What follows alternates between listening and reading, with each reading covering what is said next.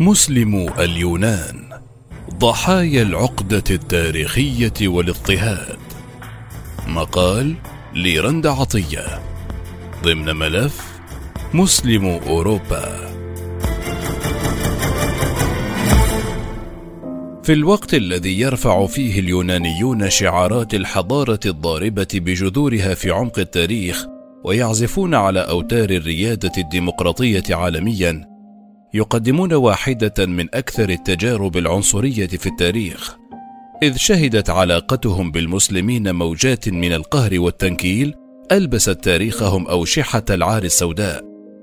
وتحول المسلمون في اليونان من أكثرية قاربت السبعين بالمئة أوائل القرن التاسع عشر إلى إحدى الأقليات المهملة على رادار الاهتمام الرسمي من قبل السلطات اليونانية التي سخرت كل ما لديها للتنغيص على المسلمين في حياتهم الطبيعية وأدائهم لطقوسهم وشعائرهم الدينية.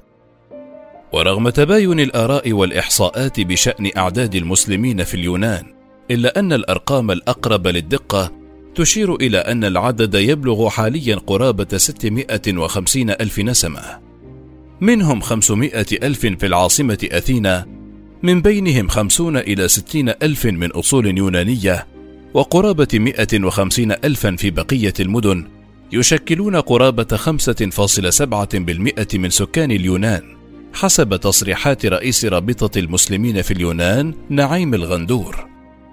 ويعد المسلمون في اليونان أحد أقدم الجاليات الإسلامية تاريخيا في العالم غير الإسلامي وهو ما يفسر تمسكهم بالتعايش في ظل تلك الأجواء غير الملائمة في كثير من الأحيان حيث مخطط طمس الهوية الإسلامية ونزعها من جذورها الاجتماعية ليسقط المسلمون ضحايا العقدة التاريخية التي تعاني منها اليونان حين قبعت تحت الحكم العثماني لعقود طويلة.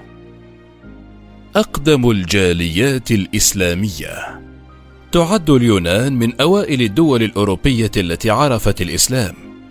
حين فتح جيش المسلمين جزيرة رودس عام 654 ثم فتحت جزيرة كريت على أيدي الأندلسيين الأمويين عام 827 ليصبح غالبية سكان الجزيرتين خلال القرن العاشر الميلادي من المسلمين. وهنا كانت باكورة الجالية الإسلامية في اليونان. وفي عام 961 سقطت كريت في أيدي البيزنطيين وطردوا المسلمين منها. فيما كان الملوك المسيحيون يمارسون تنكيلا وقهرا على المسلمين ويضعونهم بين خيارين لا ثالث لهما. إما التحول إلى المسيحية لمن أراد البقاء في الجزيرة وإما الرحيل عنها ما أدى إلى تفريغها من غالب سكانها من المسلمين حتى قدوم العثمانيين. ومع الفتح العثماني لمقدونيا عام 1380 على يد السلطان مراد الأول بين 1326 و 1389 بدأ الإسلام في الانتشار إلى كافة أرجاء اليونان ومنها إلى أوروبا حيث خضعت الدولة للحكم العثماني الإسلامي لعدة قرون. شهدت خلالها حضارة راقية وطفرة كبيرة في مسيرة العلوم والتراجم والعمارة. حتى باتت اليونان نقطة انطلاق قوية لإضاءة العواصم الأوروبية بنور الحضارة الإسلامية. وقد شكل المسلمون في ذلك الوقت قرابة 68% من إجمالي سكان اليونان. وبعد إنهاء الحكم العثماني للبلاد عام 1830 غادر الجزء الأكبر من المسلمين اليونان ولم يتبق منهم سوى القليل ممن كانوا يعانون الاضطهاد المسيحي بشكل غير مسبوق نكاية في فترة الحكم الإسلامي. واستمر الوضع على ما هو عليه حتى تدشين اتفاقيات لوزان عام 1923 كأحد مخرجات الحروب اليونانية التركية التي امتدت فترة 1919 1922 حيث تمت عمليات تبادل للسكان غادر على إثرها أكثر من 450 ألف مسلم من اليونان إلى تركيا ولم يتبقى حينها في البلاد سوى 92 ألفا من تراقيا و26 ألفا في إيير وقد أجبروا لاحقا على النزوح إلى ألبانيا بعد الحرب العالمية الثانية. خارطة توزيع شاملة ينحدر المسلمون في اليونان من عدة أصول أبرزها الأتراك والبلقان والبوماك والألبان ومن اليونانيين أيضا ويتمركزون في خمس مجموعات رئيسية تتوزع على مختلف المناطق. أهمها العاصمة أثينا التي تحتضن أكثر من 150 ألف مسلم. أكثريتهم من العهد العثماني فيما هاجر إليها مؤخرا بعض العرب. مجموعة أخرى تتمركز في تراقيا شمال شرق اليونان ويسكنها السواد الأعظم من أبناء الجالية المسلمة. تتراوح الأعداد بين 120 و 150 ألف مسلم. وظلت تلك المدينة التي تبلغ مساحتها 8758 كيلومترا مربعا وعدد سكانها حوالي 400 ألف نسمة خاضعة لتركيا حتى نهاية الحرب العالمية الأولى. ورغم كفالة معاهدة لوزان لهم حرية ممارسة شعائرهم إلا أن تضييق الخناق عليهم دفع الكثير منهم لمغادرتها. ومن المناطق التاريخية التي يميل المسلمون للإقامة فيها مقدونيا التي تقع شمالا ويقطنها أكثر من خمسة عشر ألف نسمة لهم أصول مختلفة ألبان ويونانيون وبوماك وغجر وإن كانوا يواجهون أزمات كبيرة بسبب التشتت وعدم الانسجام. هناك أيضا منطقة بحر إيجا خاصة جزيرتي كوس ورودس القريبتين من تركيا. وأخيرا تأتي منطقة شماريا على الحدود الألبانية اليونانية والتي تبلغ مساحتها 15 ألف كيلومتر مربع وتعد أحد تمركزات المسلمين في اليونان إذ يقطنها قرابة 83 مسلما. إذ يقطنها قرابة 83 ألف مسلم بحسب المصادر التركية عام 1910 أن الإحصاءات اليونانية قدرتهم بنحو 26 ألف فقط. التجريد من الهوية. في التاسع من يناير كانون الثاني 2018 تلقى المسلمون في اليونان ضربة مؤلمة ربما تكون الأشد قسوة خلال العقود الخمسة الماضية حين ألغى البرلمان النظام المعمول به مع الجالية والذي يعتبر الشريعة الإسلامية هي المرجعية الأساسية لقضايا الأحوال الشخصية في الزواج والطلاق والميراث وغيرها. منح هذا النظام للمسلمين خلال معاهدة أثينا الموقعة بين العثمانيين والدولة اليونانية عام 1913 والتي كان من بينها حرية المسلمين في إدارة شؤونهم طبقا للشريعة بما في ذلك اختيار المفتي وعدم التدخل في شؤونهم الدينية مع ضمان ممارسة الشعائر والطقوس لكن الوضع تغير نسبيا عام 1991 حين تدخلت الحكومة في اختيار مفتي المسلمين بما يخالف المعاهدة. وفي ضوء القرار البرلماني الأخير فإن المحاكم المدنية الخاضعة للقانون اليوناني باتت المرجعية الوحيدة لتسوية باتت المرجعية الوحيدة لتسوية أي نزاعات تتعلق بأحوال المسلمين الشخصية، فيما تم إزاحة الشريعة من المشهد، إلا إن كان الأمر بالتراضي بين طرفي النزاع، واختار الاحتكام للشريعة بشكل ودي غير رسمي. أثار هذا القرار حفيظة بعض المسلمين الذين رفضوا تدخل أثينا في اختيار المفتي، ليختاروا هم بأنفسهم مفتيهم الخاص كما فعل الأتراك المسلمون في البلاد عام 2020 غير أن هذا التحرك قوبل بالرد القاسي إذ تعرض بعضهم لعقوبات قاسية فيما تم محاكمة المفتي الجديد.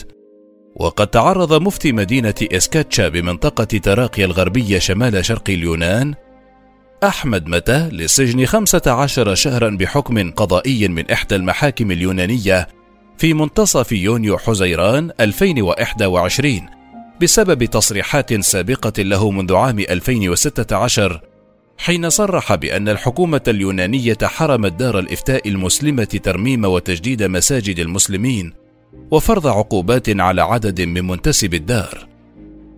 تحديات الاندماج رغم أقدميتهم التي ربما تتجاوز تاريخ وجود الكثير من اليونانيين أنفسهم إلا أن اندماج الجالية المسلمة في المجتمع اليوناني لم يكن على المستوى المأمول والمتوقع حسب ما أشار الإعلامي اللبناني شادي الأيوبي المقيم في أثينا منذ سنوات والذي أرجع هذا الضعف إلى عدة أسباب على رأسها عدم وحدة المسلمين وعدم وجود مؤسسات أو قيادات ذات كفاءة تمثلهم أمام السلطات الحاكمة هناك.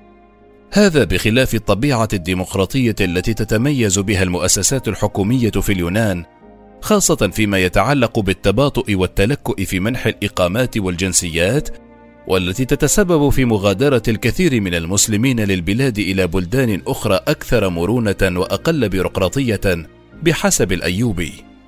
ومن أبرز الملفات التي تعرقل مسار الاندماج النظام التعليمي، ورغم أن معظم المسلمين هناك يتحدثون التركية والأقلية منهم يتكلمون البوماكية وهي لهجة بلغارية، وأن هناك اتفاقية للتعليم بين تركيا واليونان وقعت عام 1951 إلا أن الحكومة تتعنت في تدشين مدارس تدرس اللغة التركية إلا القليل منها. هذا بخلاف غلق الكثير من المدارس التركية مؤخرا بدعوى ضعف الإقبال. وتنقسم المدارس التي يتعلم فيها المسلمون في اليونان إلى نوعين.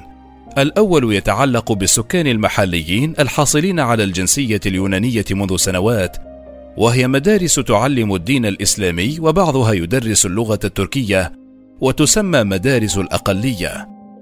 أما الوافدون المهاجرون من الخارج فلهم مدرسة رسمية واحدة هي المدارس الليبية بجانب أخرى غير رسمية.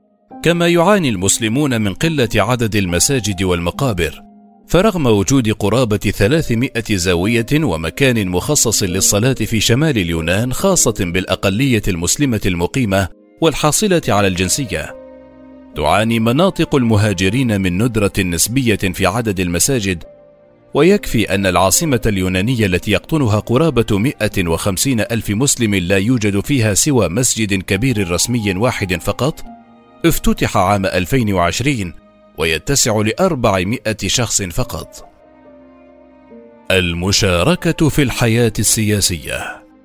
في الوقت الذي يعاني فيه المسلمون من صعوبات بالغة في الاندماج إلا أنهم نجحوا في الحضور السياسي رغم القيود المفروضة عليهم فيما يتعلق بالترشح للانتخابات البرلمانية وتدشين أحزاب سياسية وهو ما يدفع الكثير من الساعين منهم إلى العمل السياسي إلى الانضمام للأحزاب اليونانية الموجودة.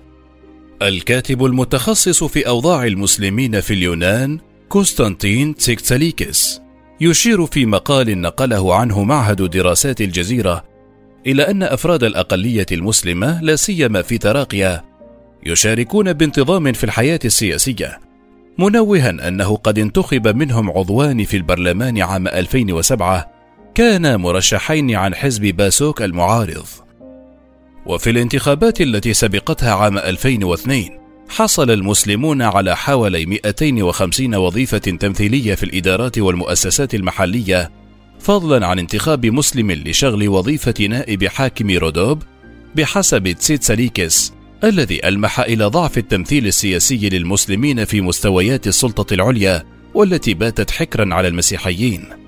ودعما لانخراط المسلمين في العمل السياسي والمجتمعي دشنوا عددا من الجمعيات والكيانات التي يتحركون من خلالها بما يخدم مصالحهم ويدافعون عبرها عن حقوقهم وامتيازاتهم.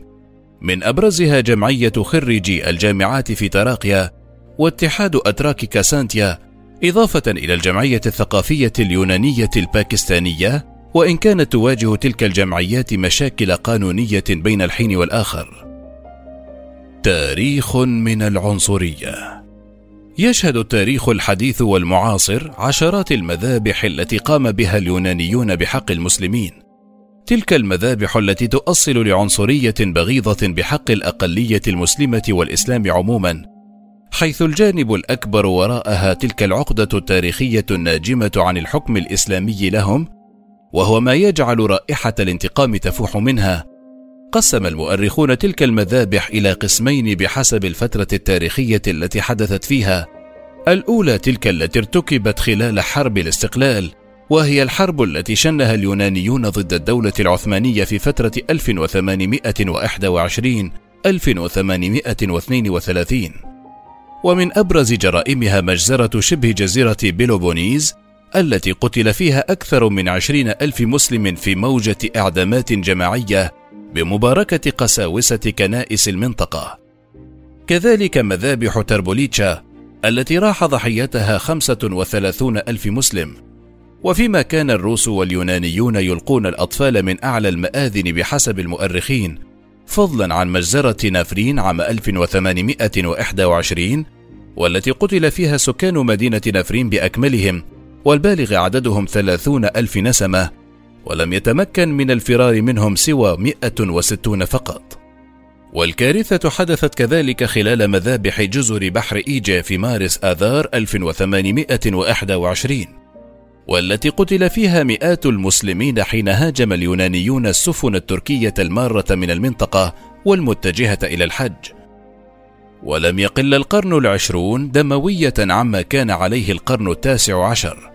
حيث الإبادات العرقية التي تمت برعاية أوروبا دمرت عشرات القرى بأكملها. بين السادس عشر من مايو أيار والعاشر من يوليو تموز 1921 بجانب المذبحة التي ارتكبها اليونانيون في منطقة يالوفا إذ أحرقوا ما يقارب 27 قرية مسلمة وقتلوا حوالي عشرة آلاف شخص. وفي أعقاب الحرب العالمية الثانية قامت السلطات اليونانية بشن حملات إبادة جماعية على سكان إقليم شاميريا الألبان. قتل فيها خمسة آلاف من سكان الإقليم.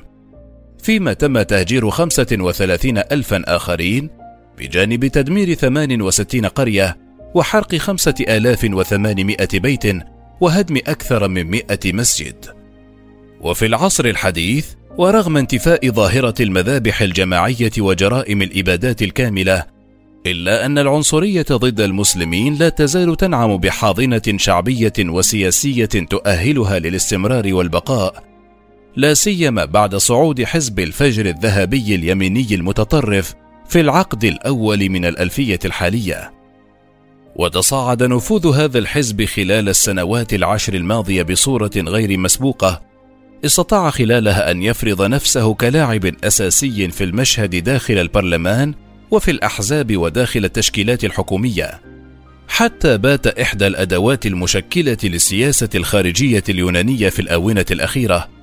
اللافت أن الاعتداءات التي شنها هذا الحزب ضد المسلمين والمهاجرين عموما في السنوات الماضية لم تجد أي اهتمام لدى دوائر الشرطة حسب ما أشار الباحث محمد يوستش في دراسته التي عنونها بالمسلمون في اليونان التعددية والحفاظ على الهوية. منوها أن نتائج الانتخابات الأخيرة بلغت نسبة تصويت رجال الشرطة لصالح الحزب المتطرف حد خمسين بالمئة. وهكذا يدفع المسلمون في اليونان ثمن العقدة التاريخية التي تسيطر على العقلية السلطوية الحاكمة وقاعدتها الشعبوية المتصاعدة.